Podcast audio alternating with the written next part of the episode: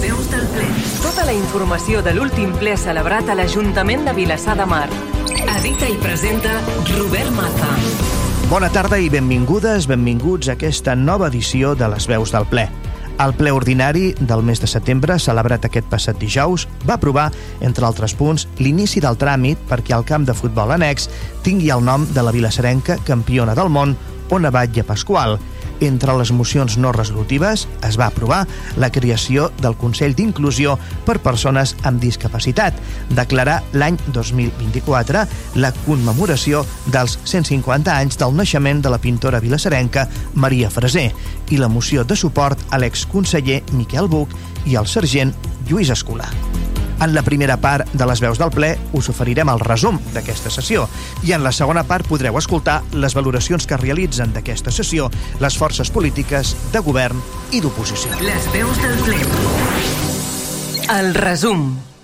Anem a PAMS, el segon punt de la plenària que servia per donar compte de la informació sobre el període mig de pagament a proveïdors es va retirar de l'ordre del dia i es presentarà en el proper ple per un error en la documentació de l'expedient. En el tercer punt es va donar compte del decret per la incoació de l'expedient per denominar el camp de futbol annex com a camp de futbol municipal on abatlla Pasqual. L'alcaldessa Laura Martínez va recordar que es tracta d'iniciar el procediment legal per materialitzar l'anunci que es va fer públic durant l'homenatge a la campiona del món i que compta amb la unanimitat de tots els grups municipals. Pel que fa al quart punt, es va aprovar per unanimitat el conveni de col·laboració entre el Departament d'Interior de la Generalitat, l'Institut de Seguretat Pública de Catalunya, el Consell Comarcal del Maresme i l'Ajuntament per dur a terme la selecció conjunta del personal funcionari de les policies locals i constituir una borsa de treball. L'objectiu d'aquest conveni és establir els termes per realitzar un procés unificat amb la resta de municipis de la comarca que es vulguin adherir i la constitució per part de la Direcció General de coordinació de les policies locals d'una borsa de personal interí per cobrir en règim d'interinitat les futures vacants que es puguin produir i així atendre amb rapidesa les demandes que no puguin ser planificades amb suficient antelació i garantir una selecció eficaç i eficient. El regidor de Recursos Humans, Eduard Sirvent, va explicar que servirà per seleccionar dos agents de la policia local de places vacants que ja estan creades a l'oferta pública d'ocupació 2023 de l'Ajuntament. La despesa del cost de la prestació del servei a favor del Consell Comarcal del Maresme és d'un import de 3.150 euros, 3.000 euros per participació en el projecte de selecció unificada de policies locals i 150 euros corresponents a 75 euros per cada una de les dues places d'agents de policia local incloses a l'oferta pública d'ocupació 2023 de l'Ajuntament. El cinquè i sisè punt de la plenària es van tractar conjuntament i es van aprovar per unanimitat. Es tracta de la modificació de la plantilla i de la relació de llocs de treball de la corporació. La modificació afecta la classificació en el subgrup de les places d'agents i caporals de la policia local, que per la modificació de la llei han de passar de ser de categoria C2 a categoria C1. El regidor de Recursos Humans, Eduard Sirvent, va explicar que no comporta cap augment de les retribucions. Des d'Esquerra Republicana de Catalunya, BDM Futur van fer el prec al govern perquè tota la relació de llocs de treball de l'Ajuntament s'actualitzi i el dibuix de la plantilla sigui més adequat a la realitat. Des de Vavor van manifestar que tots aquests esforços cap al cos policial s'haurien de traduir en un servei de la policia més proper i amable cap a la ciutadania. Pel que fa al setè punt, es va aprovar per unanimitat la moció no resolutiva presentada pel grup municipal de Vavor per la creació del Consell d'Inclusió per Persones amb Discapacitat nom amb el qual finalment va quedar aprovat el Consell després de l'esmena, a petició de la resta de grups del plenari per tal de no confondre'l amb la xarxa d'inclusió social, òrgan ja creat a Vilassa de Mar. Des de Vavor van explicar que un dels grans reptes de la nostra localitat és avançar en la garantia de drets per esdevenir un municipi realment inclusiu van recordar que el dret a la inclusió i la no discriminació de les persones i els col·lectius amb necessitats específiques és una qüestió social que necessita una resposta transversal per part de l'administració per tal de garantir la seva efectivitat. Van subratllar que cal adoptar una visió global que permeti detectar quines són les necessitats concretes i específiques a les quals s'ha de donar resposta i planificar les polítiques públiques a desenvolupar en tots els àmbits d'actuació de manera coordinada, lleure, educació, esport, salut, mobilitat i habitatge.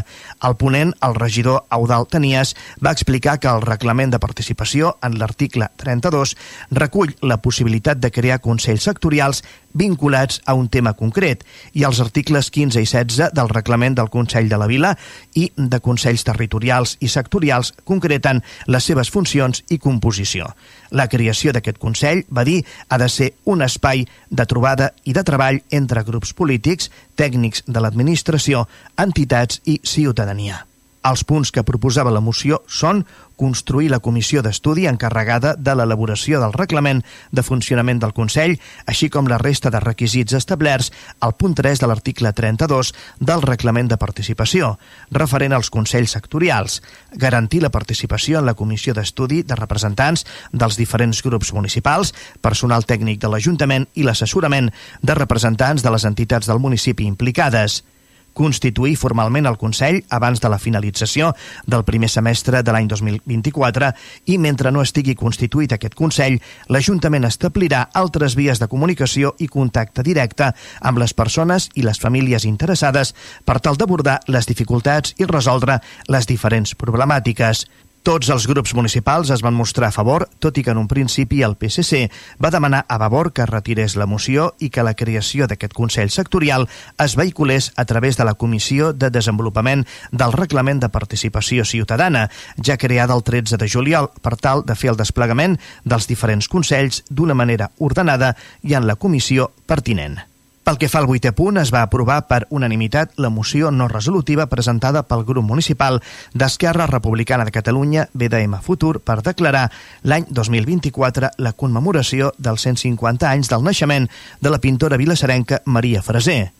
La moció explica que, atesa la importància de promoure les dones com a referents de cultura del nostre poble, proposa que l'Ajuntament promogui la commemoració dels 150 anys del naixement de Maria Ferrés i Puig, coneguda com a Maria Freser. Va néixer a Vilassar de Mar el 1874 i va morir a Valls el 1964. Va ser dibuixant, aquarelista i gravadora. La seva obra està repartida entre els museus de Vilassar de Mar i de Valls, on va viure els darrers anys de la seva vida. El fons del seu llegat comprèn un miler de dibuixos, apunts i aquarel·les que la fan una prolífica cronista de la seva època. La moció d'Esquerra Republicana de Catalunya, BDM Futur, contemplava aquests acords. Aprovar que l'any 2024 es dedicarà a la commemoració dels 150 anys del naixement de Maria Freser a Vilassar de Mar, elaborar una proposta de commemoració per tal de mostrar l'obra de Maria Freser i la seva trajectòria, encarregar a persones professionals de l'àmbit de la cultura la realització d'un catàleg estudi de la seva obra per tal que quedi com a llegat i material de consulta pel públic, demanar suport a través de subvencions a la Generalitat i a la Diputació per fer front als preparatius d'aquesta commemoració i buscar un espai o instal·lació a Vilassar de Mar que pugui dur el nom d'aquest artista. La moció va comptar amb el suport de tots els grups municipals i des del govern van explicar com ho farien.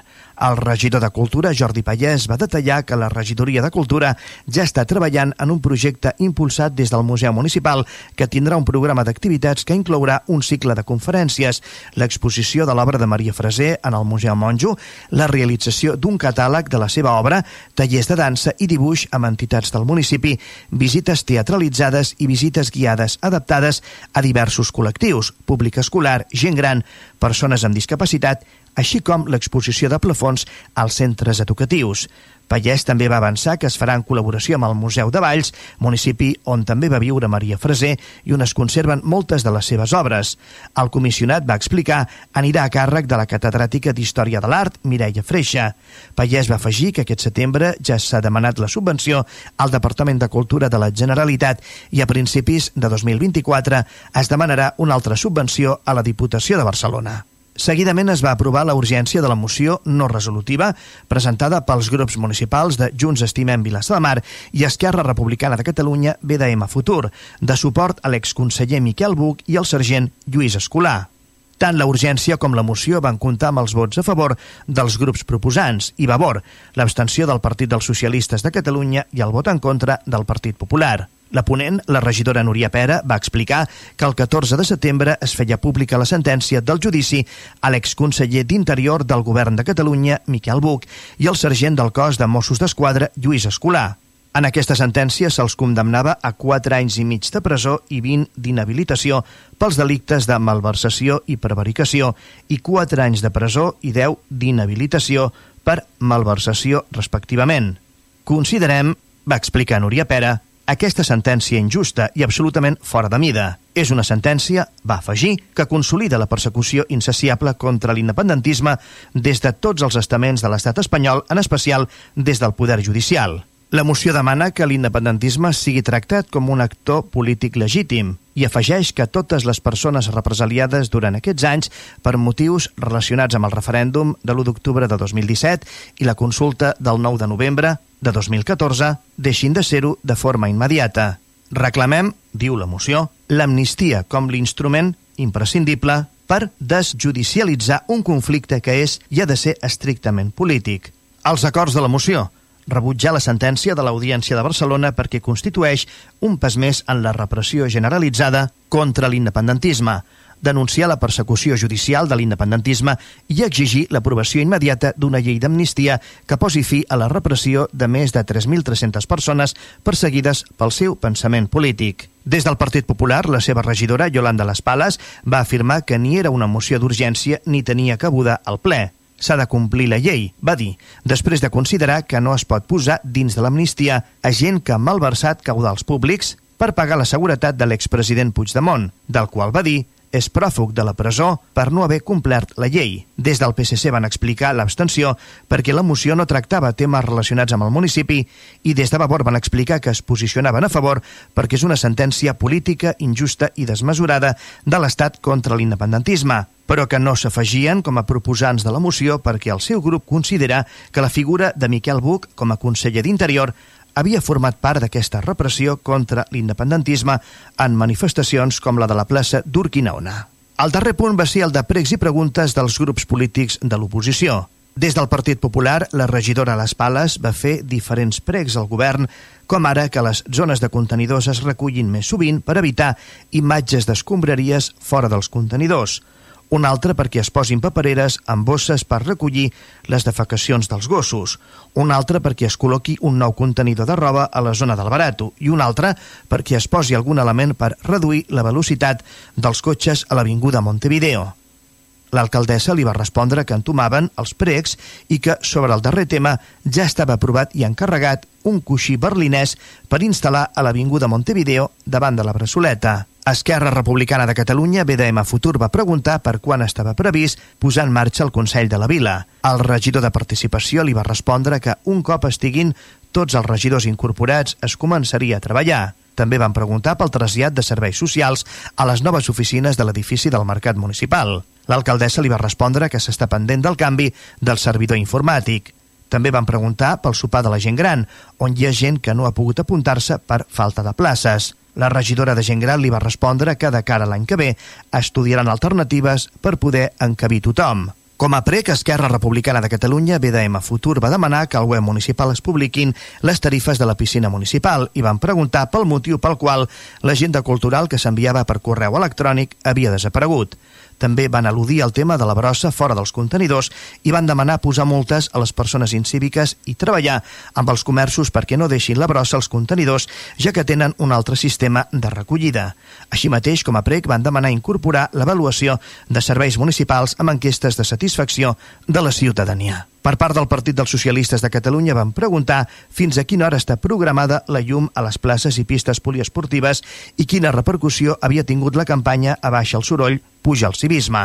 Des del govern van respondre que preguntarien per l'horari i sobre la campanya de soroll. La regidora de Joventut va explicar que havien disminuït considerablement les queixes per soroll que havien entrat per instància a l'Ajuntament. Com a prec van demanar que s'intensifiqui la neteja de carrers, sobretot dels que formen part dels camins escolars, com ara la Riera d'en Cintet. També com a prec van demanar que s'insti a l'empresa de recollida d'escombraries que quan faci la recollida dels contenidors no deixi els contenidors a sobre de la brossa que cau durant el procés, ja que alimenta el problema de plagues i també que els deixin ben col·locats perquè moltes vegades queden fora de lloc i dificulten la circulació i visibilitat dels vehicles.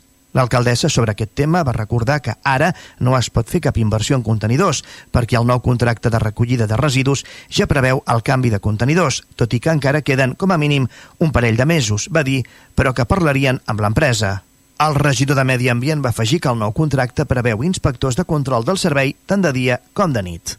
Per part de Vavor van preguntar per si ja es coneixia l'origen de l'incendi de les naus industrials del 27 d'agost. L'alcaldessa va respondre que és una investigació de Mossos i que no tenien informació al respecte. També van preguntar pel nou contracte de recollida de residus i la partida destinada a informació i a sensibilització. El regidor de Medi Ambient li va respondre que ho tenen present i tiraran cap endavant la contractació d'una empresa per dur-ho a terme. També van preguntar per quan es preveia fer el seguiment dels usos permesos i no permesos a la zona agrícola i si tenien previst crear el Consell Agrícola o d'Agricultura. Respecte al pla d'usos, l'alcaldessa va explicar que tot just ara s'acaba de publicar i, per tant, acaba d'entrar en vigor i que és un tema que s'ha de treballar. Sobre el Consell d'Agricultura van respondre que és un tema que es vol desplegar quan es tinguin els recursos per fer-ho. Una altra pregunta de Vavor va ser sobre la falta d'espais per les entitats.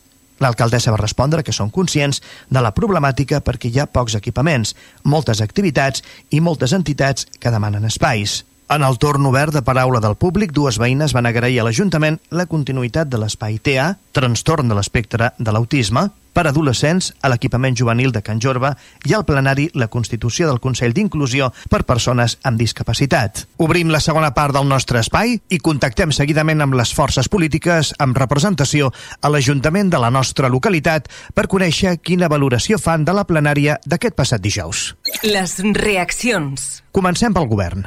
Junts estimem Vilassar de Mar.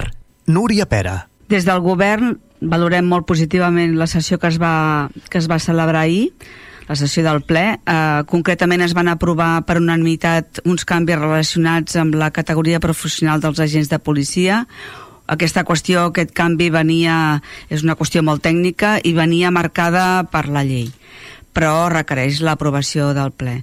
Posteriorment, el que sí que m'agradaria remarcar és que es van presentar tres mocions, una presentada concretament per Vavor, per, la, per demanar la creació d'un Consell per a Persones amb Discapacitat. És una moció que va ser aprovada per unanimitat i creiem que és una iniciativa que va ser molt ben rebuda perquè nosaltres com a govern creiem que és a través de la diferència que podem reclamar el dret a la igualtat per tothom.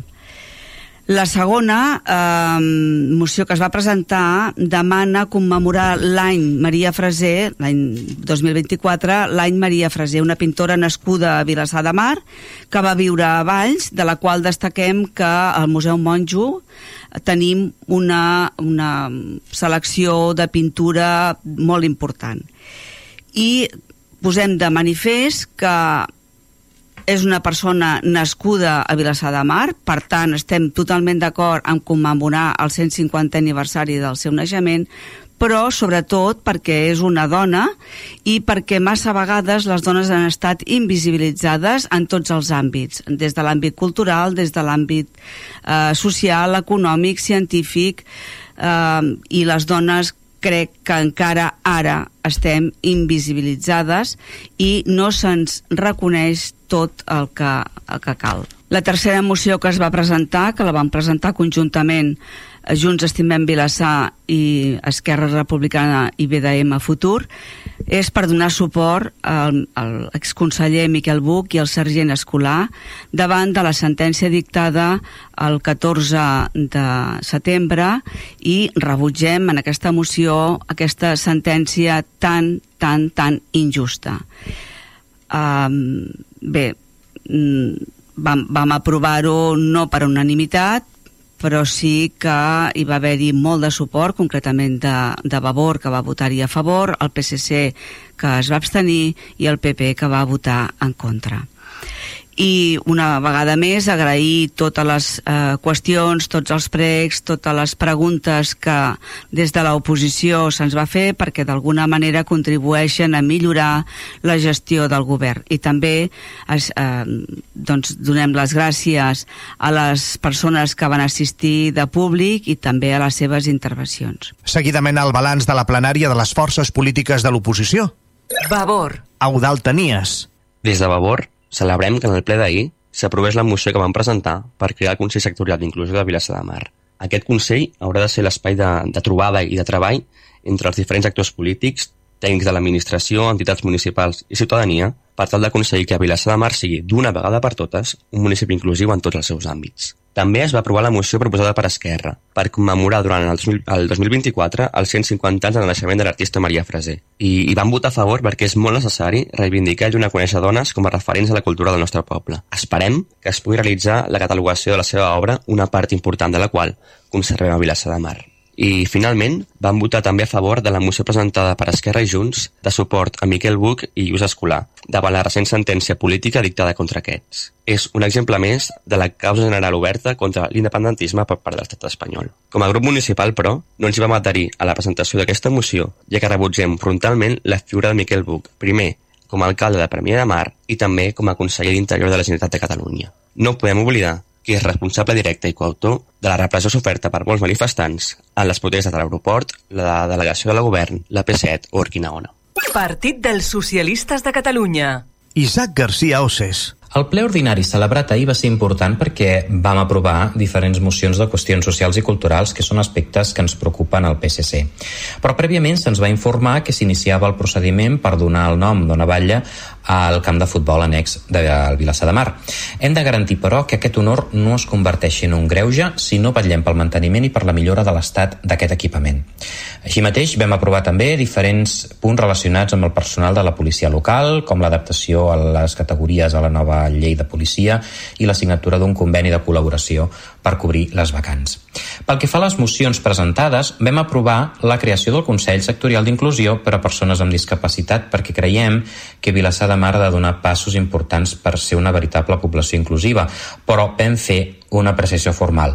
Hem de convocar la Comissió de Desenvolupament del Reglament de Participació Ciutadana.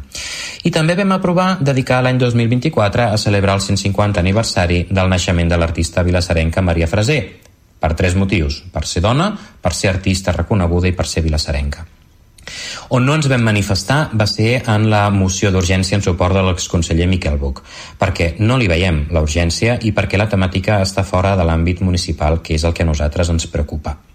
En el torn de pregs i preguntes, finalment, ens varen preocupar pel soroll i la il·luminació als parcs i les places a les nits, així com el manteniment i la neteja dels contenidors. Esquerra Republicana de Catalunya, BDM Futur.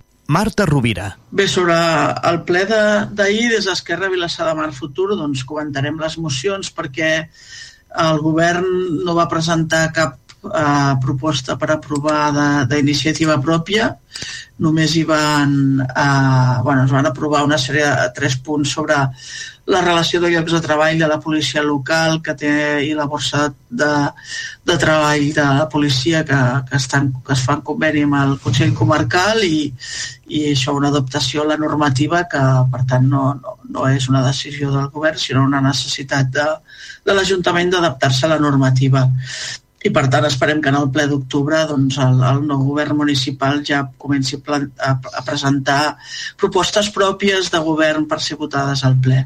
Pel que fa a les mocions, ens vam adherir a la moció de, presentada per Vavor per crear el Consell eh, sectorial d'inclusió de, de les persones amb discapacitat, perquè entenem que és una necessitat del municipi eh, que en el marc del desplegament del reglament de participació que es va aprovar el mandat passat doncs, hi hagi aquest Consell Sectorial concretament perquè hi ha entitats, um, hi ha famílies implicades en, en aquesta qüestió i en, en la millora de la vida de les persones amb discapacitat i amb, amb adaptar l'activitat de Vilassar de Mar, des de l'urbanisme fins a les activitats socials, esportives, educatives, etc, als drets de, de les persones amb discapacitat i per això vam, vam votar a favor.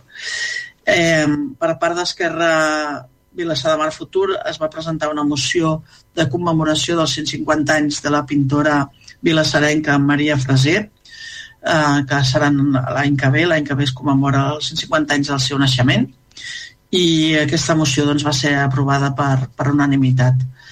I també finalment vam presentar una moció conjunta amb Junts per denunciar la injusta sentència que, ha rebut, que han rebut Miquel Buch i Josep Escolar en el tribun a l'Audiència de Barcelona, que és una altra mostra de la persecució de, de l'independentisme per via judicial i una repressió de l'activitat política i de les decisions que es prenen des del govern de la Generalitat eh, que no té cap justificació. Eh, fer política i fer i governant no és, no és delicte, a no ser que es demostri que algú s'ha quedat diners o, o que ha fet alguna cosa mal feta des del punt de vista formal, que no és el cas.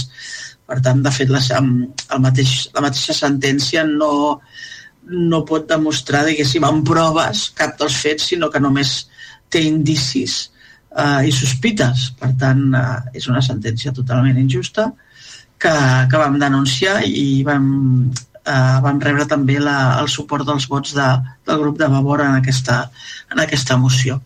Partit Popular. Yolanda Las Palas. Respecto del pleno de ayer, bueno, como significativo o para hacer un mini, eh, sería, bueno, que es una apro, bueno, votamos a favor para la provisión de dos plazas que estaban en stand-by de, de, la policía local, lo cual nos, nos, bueno, nos, nos, gratifica y entendemos que será importante y beneficioso para Vilasar de Mar.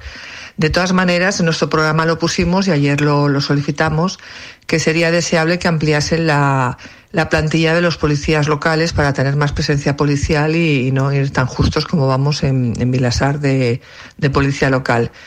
También votamos a favor, bueno, que la selección, la provisión de, de estas plazas, eh, bueno, nos va a ayudar el Consejo Comarcal y así no, bueno, nos van a facilitar la, la tarea no tener que convocarlas aquí en el, en el municipio. También fue gratificante votar a favor de una calle para la la pintora y grabadora María Freser, nacida en Vilasar de Mar, y bueno, hacer una exposición porque bueno, durante toda la vida las mujeres hemos tenido menos visualización y han pasado más desapercibidas las artistas y las, las mujeres importantes que, que, no han sido valoradas en su tiempo. Y luego, como, bueno, como no favorable para el municipio, se presentó una moción de urgencia que, bueno, con un concepto de fondo inexistente y que no, no beneficia al municipio y, bueno, y supera el ámbito, o sea, supramunicipal. No es una cosa en que nosotros, que es que se hizo una moción para condenar la sentencia eh, a Miquel Buch como consejero de Interior que autorizó y bueno suprimió dos plazas con dos plazas de Mossos del Raval que suprimió un, un sitio en Barcelona un lugar que es tan conflictivo para pagar al escolta que tenía Lluís Escola, el mozo que tenía de seguridad, eh, Carlos Puigdemont, ¿no? Y bueno, claro, entendemos que entendemos ¿no? que la sentencia es correcta, malversación de fondos públicos, ya que eso se pagó con dinero público y un prófugo de la justicia no tenía por qué tener un, una seguridad pagada con, con dinero público. Entonces, bueno, apelaron, como la mayoría separatista, pues bueno, apelaron a la represión, que no sé dónde ya lo comenté en el Pleno, que represión no hay, si no, no estaríamos en el Pleno la mayoría separatista y funcionando con normalidad. Y bueno, hubo muchos aspamientos, pero bueno, nadie contraargumentó nada, solamente que represión y bueno, nadie contraargumentó nada, muchas gesticulaciones, pero bueno. Y bueno, se entristece, ¿no? La manera de fracturar la sociedad porque, al, bueno, aunque fueran una mayoría que no lo son, pero es que no son ni siquiera mayoría. Y bueno, yo creo que debemos remar todos en el mismo sentido y ver lo positivo y no lo que, lo que nos desune y bueno, con esta además agresividad, ¿no? Les veus del ple. Tota la informació de l'última sessió plenària. Hem arribat a la fi d'aquesta nova edició de Les veus del ple, l'espai dels serveis informatius de Vilassar Ràdio que us acompanya periòdicament amb tota la informació de les sessions plenàries que se celebren a l'Ajuntament de Vilassar de Mar. Un espai en el us oferim el resum d'aquestes sessions i recollim la valoració que en realitzen les forces polítiques de govern i oposició.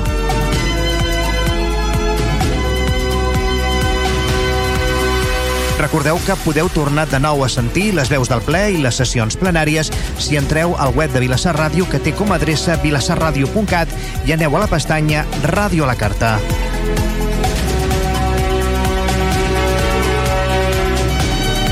En la producció, realització tècnica i locució, aquest qui us parla, Robert Maza.